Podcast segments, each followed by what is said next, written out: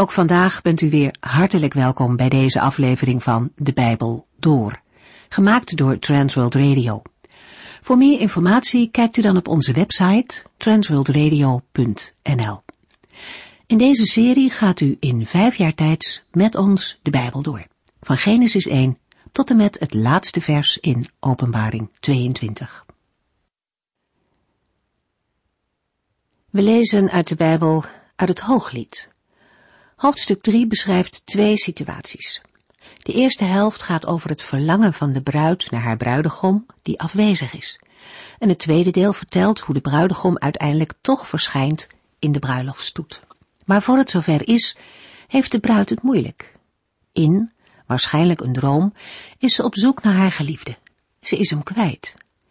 In het Hebreeuws wordt haar geliefde omschreven als hem die mijn ziel lief heeft. En met mijn ziel wordt de totale persoonlijkheid bedoeld. Wij zouden zeggen, zij houdt met hart en ziel van hem, met alles wat in haar is. En ze laat het er dan ook niet bij zitten, maar ze gaat op zoek naar haar geliefde, net zolang totdat ze hem vindt. Het bijzondere en unieke van de liefde tussen man en vrouw lijkt om ons heen wel eens wat verloren te gaan. Als het met de een niet gaat, dan is er wel een ander.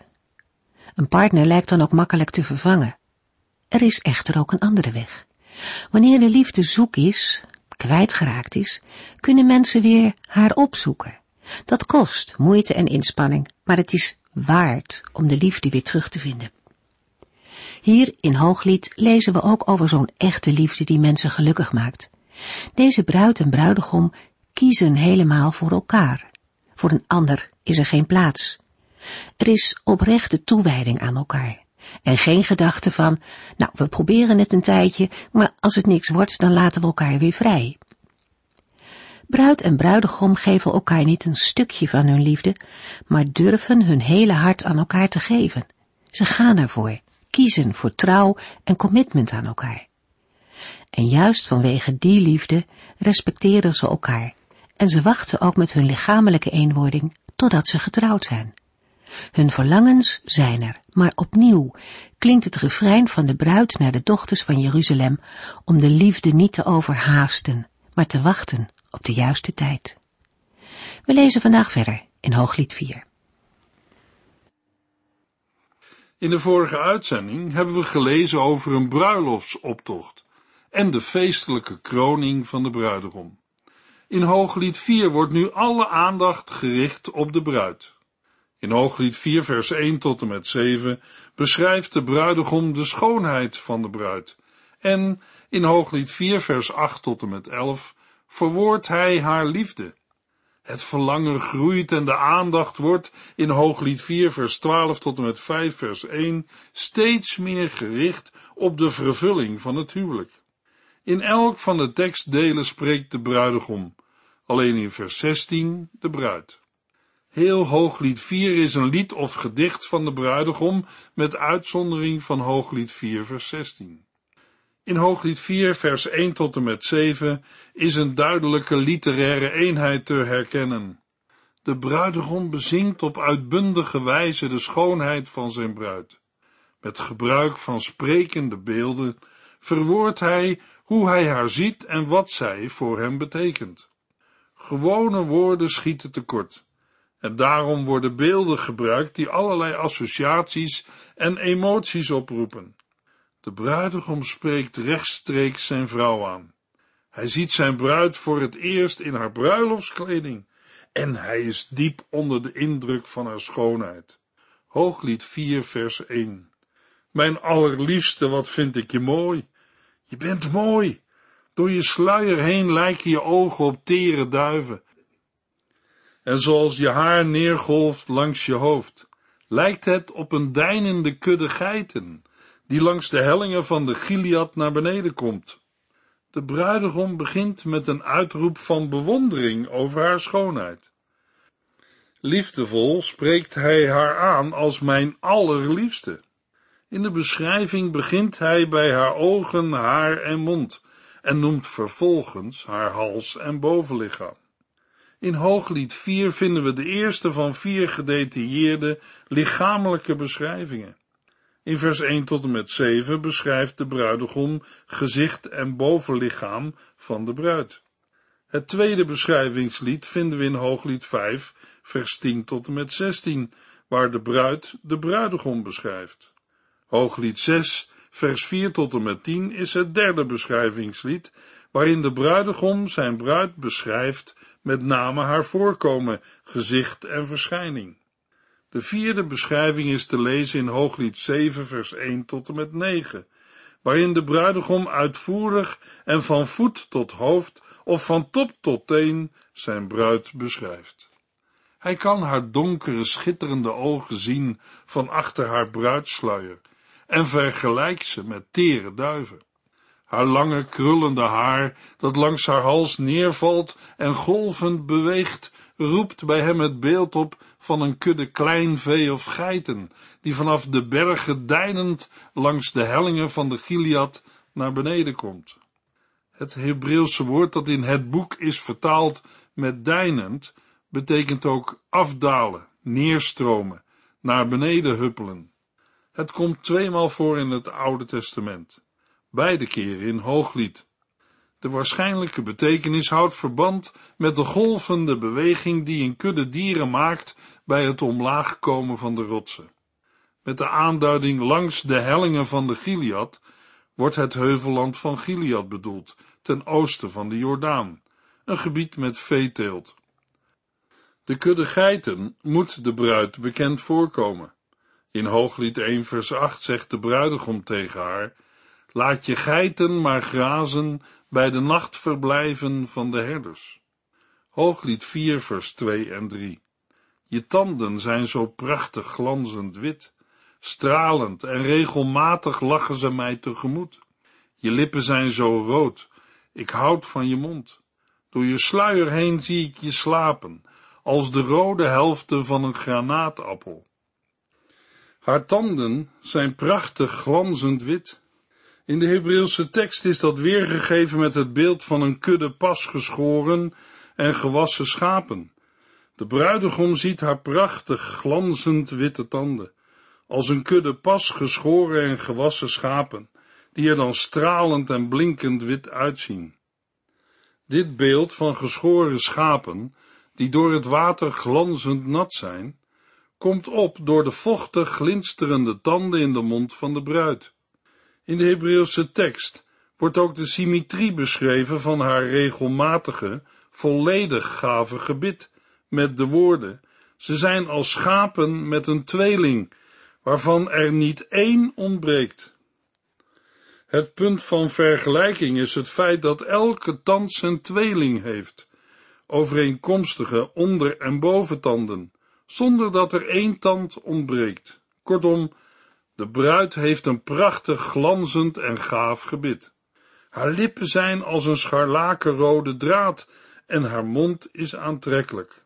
Van achter haar sluier schemeren haar rode wangen, sprankelend gekleurd als de rode helften van een granaatappel. Het woord slaap duidt op een deel van het hoofd, waarbij ook gedacht kan worden aan de wangen. Punt van vergelijking met de granaatappel is de felrode kleur. Door de sluier wordt het gezicht als ware verdeeld in stukjes. Daarmee is een vergelijking met de vele pitten tussen het rode vruchtvlees in een rijpe opengesprongen granaatappel ook mogelijk. Hooglied 4 vers 4 en 5. Je hals torent vier omhoog, net als de Davidstoren, die gebouwd is om duizend schilden van dappere strijders op te hangen. Je borsten zijn net twee jonge gazellen, die grazen in een veld vol lelies. De ogen van de bruidegom richten zich nu op de mooie, welgevormde hals van zijn bruid omhangen met halssieraden, zoals de kunstig versierde muurschilderde toren van David sieren. Een speciale toren van David is niet bekend. Het kan een onderdeel geweest zijn van de verdedigingswerken van Jeruzalem. Er is wel gedacht aan een wachttoren of een vestingtoren in Nehemia 3. Het gebruikte beeld spreekt van kracht en veiligheid en in Hooglied 4 ook van schoonheid. Het ongebruikelijke Hebreeuwse woord voor schild, verwijst waarschijnlijk naar een klein rond schild en kan duiden op een muurschild dat aan de verdedigingsmuur werd opgehangen. Taalkundig is er echter ook een soort projectiel of werpspies mogelijk. Een schild kon dienen als wapen, maar ook als ornament. De dappere strijders zijn eerder genoemd in Hooglied 3. Het punt van vergelijking is dat de prachtige hals van de bruid omhangen is met sieraden en muntjes, net zoals de duizend schilden de muren van de toren van David versieren. Daarna volgen de ogen van de bruidegom de halslijn van de bruid en ziet hij haar beide borsten. Het zijn net twee jonge gazellen die grazen in een veld vol lelies. Het beeld benadrukt de ongerepte prilheid, de schoonheid en het aan elkaar gelijk zijn. Gazellen staan bekend om hun sierlijkheid en schoonheid. De dieren zijn al eerder genoemd in Hooglied 2, vers 7 en 9. Aan het slot van vers 5 gebruikt de bruidegom een beeld dat ook door de bruid is gebruikt, in Hooglied 2, vers 16. Jonge gazellen die grazen in een veld vol lelies, of met andere woorden, een kudde in de bloeiende velden.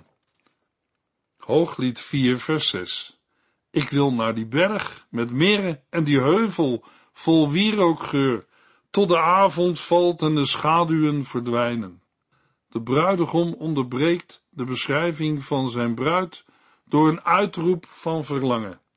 Daarbij herhaalt hij de uitnodiging die de bruid eerder uitte in Hooglied 2 vers 17 met de woorden Kom dan naar mij toe en doe als de gazel, mijn liefste.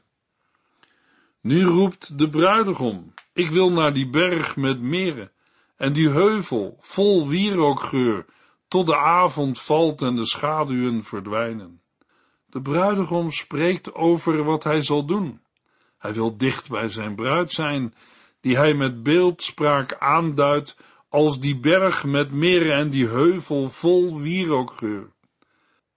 De parallelle beelden van berg en heuvel met betrekking tot de bruid kunnen op haar hele verschijning betrekking hebben, maar ook met name op haar borsten. Mirre werd gebruikt als parfum. Het kwam al eerder aan de orde in Hooglied, zowel voor de bruid als ook voor de bruidegom. Wierook komt alleen voor met betrekking tot de bruid. Hooglied 4 vers 7 Mijn allerliefste, alles aan jou is zo mooi. Er is geen gebrek of onregelmatigheid aan jou te vinden. Met liefde ogen ziet de bruidegom de schoonheid van zijn allerliefste. Hij roept haar toe dat ze uitermate mooi is en volmaakt. Hij zegt, er is geen gebrek of onregelmatigheid aan jou te vinden. Haar lieflijke verschijning vertoont geen enkel gebrek.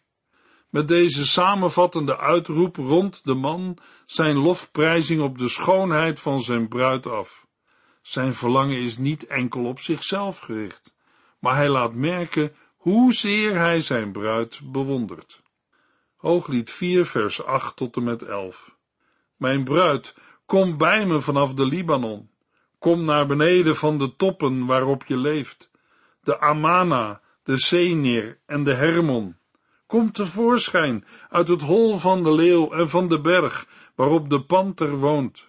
Mijn zusje, mijn bruid, ik ben helemaal in jouw ban. Na één blik van jou kon ik je niet meer vergeten. Alleen je sieraden al maakte dat ik de jouwe wilde zijn. Mijn zusje, mijn bruid, jouw liefde is mij alles waard. Die smaakt mij beter dan de lekkerste wijn. De geur van jouw zalfolie is heerlijker dan die van specerijen. Mijn bruid, je lippen glanzen alsof er honing op ligt. Onder je tong proef ik melk en honing. De geur van je kleding lijkt op de geuren van de Libanon. In de verse 8 tot en met 11 verwoordt de bruidegom wat de liefde van zijn bruid voor hem betekent. Hij gebruikt hierbij opvallend veel herhalingen. De overgang van het voorafgaande wordt gemarkeerd door de oproep van vers 8. De bruidegom nodigt zijn bruid uit met hem mee te komen, van de Libanon af, ver weg van de bergachtige woestenij en gevaarlijke plaatsen waar wilde dieren wonen.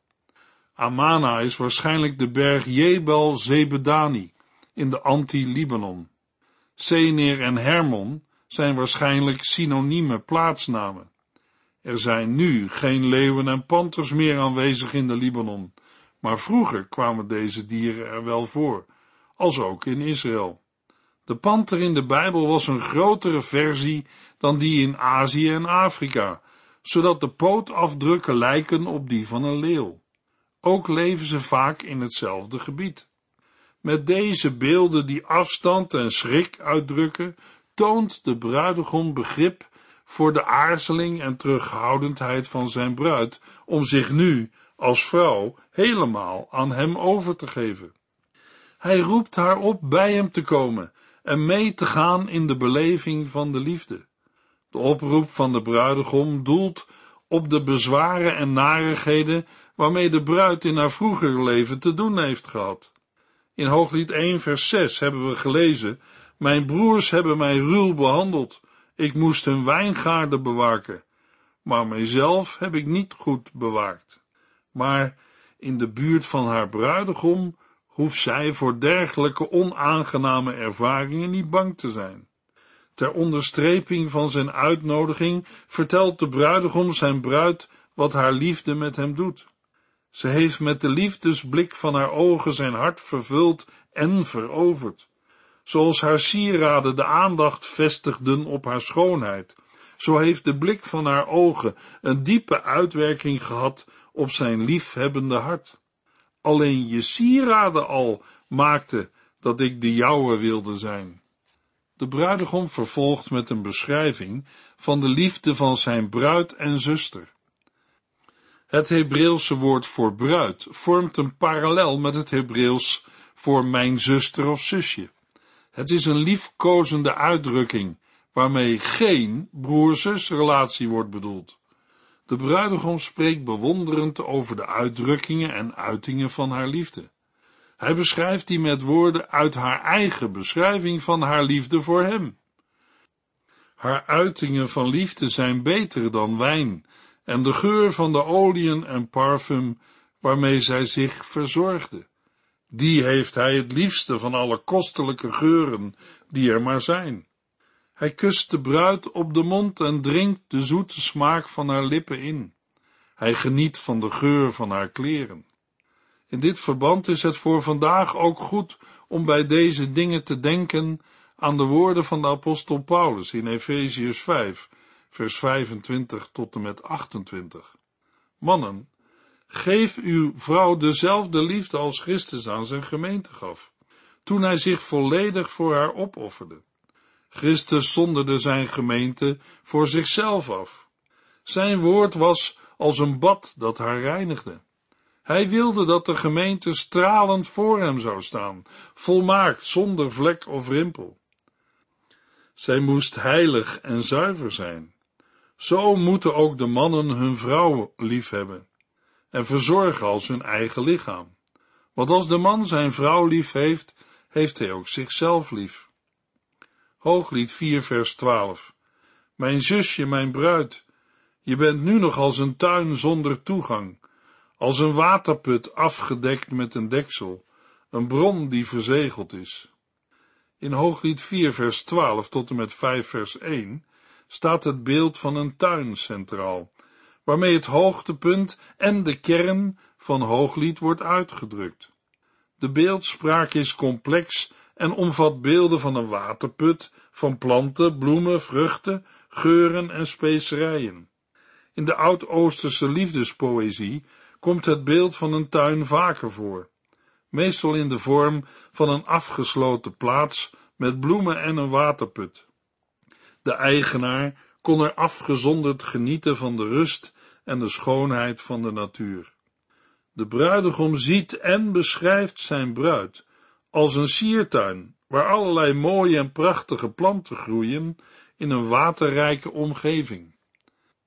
In Ramat Rachel, tussen Jeruzalem en Bethlehem, is een koninklijk paleis uit de zevende eeuw voor Christus ontdekt, met daarbij een tuin die kunstmatig van water werd voorzien. In de tuin zijn ook bijzondere boom- en plantensoorten uit India, de meerte en de wilg ontdekt. De bruidegom noemt zijn bruid een tuin zonder toegang en een bron die verzegeld is. Zij is niet voor iedereen toegankelijk. De bruid bewaart haar maagdelijkheid en liefde voor die ene, voor haar bruidegom. Het bevestigt de ordening die de Heere bij de schepping van man en vrouw al had gegeven. We lezen in Genesis 2 vers 24 Dit verklaart waarom een man zijn vader en moeder verlaat, zich bij zijn vrouw voegt, wat betekent dat er in het openbaar een huwelijk wordt gesloten met getuigen en een bruiloftsfeest. Dit verklaart waarom een man zijn vader en moeder verlaat, zich bij zijn vrouw voegt en werkelijk één met haar wordt. In de ordening van de Heere vindt geslachtsgemeenschap binnen de kaders van het huwelijk plaats. Vandaag hebben wij het met deze ordening van de Heere moeilijk. Welke jonge mensen houden zich nog aan deze ordening van de Heere? Nee, het gaat hier niet om een mening of iets dat wij vandaag anders zien of opvatten. Met alle respect voor uw en jouw persoonlijke mening of opvatting, maar bij deze dingen gaat het om een keuze, namelijk of een mens zich wel of niet aan de ordening van de Heere wil houden. In vers 12 beschrijft de bruidegom zijn bruid als een siertuin, waarin allerlei prachtige planten groeien in een waterrijke omgeving. Hij benadrukt haar ontoegankelijkheid. Vanwege de uiteenlopende beelden kan er vanuit vers 12 ook gezegd worden dat in vers 12 niet alleen de maagdelijkheid van de bruid wordt bedoeld, maar ook haar positie als ongehuwde vrouw. In Hooglied 4 vers 12 tot en met 15 zijn de geliefden samen, terwijl het bruiloftsfeest in volle gang is.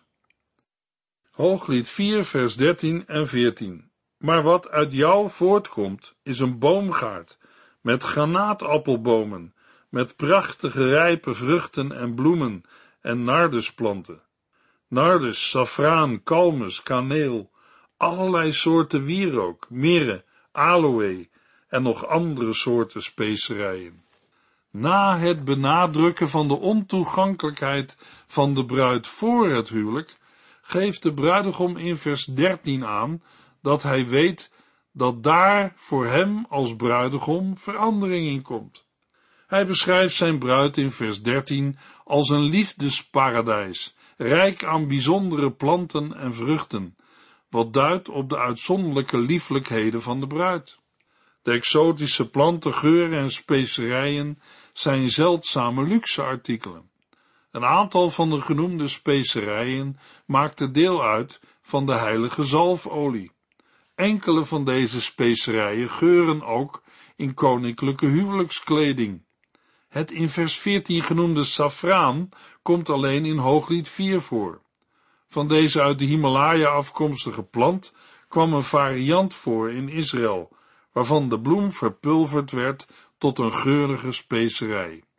Aloe is afkomstig van aloebomen met kostbaar en geurend hout. Het totaalbeeld spreekt van de overweldige rijkdom en heerlijkheid van de liefde van de bruid. Hooglied 4 vers 15 Jij bent de fontein die de tuinen besproeit, de bron die helder, sprankelend water geeft, een beek vanuit de Libanon. Aansluitend op de botanische opsomming past de bruidegom het beeld van de waterrijke tuin weer toe in een uitroep van bewondering en verlangen.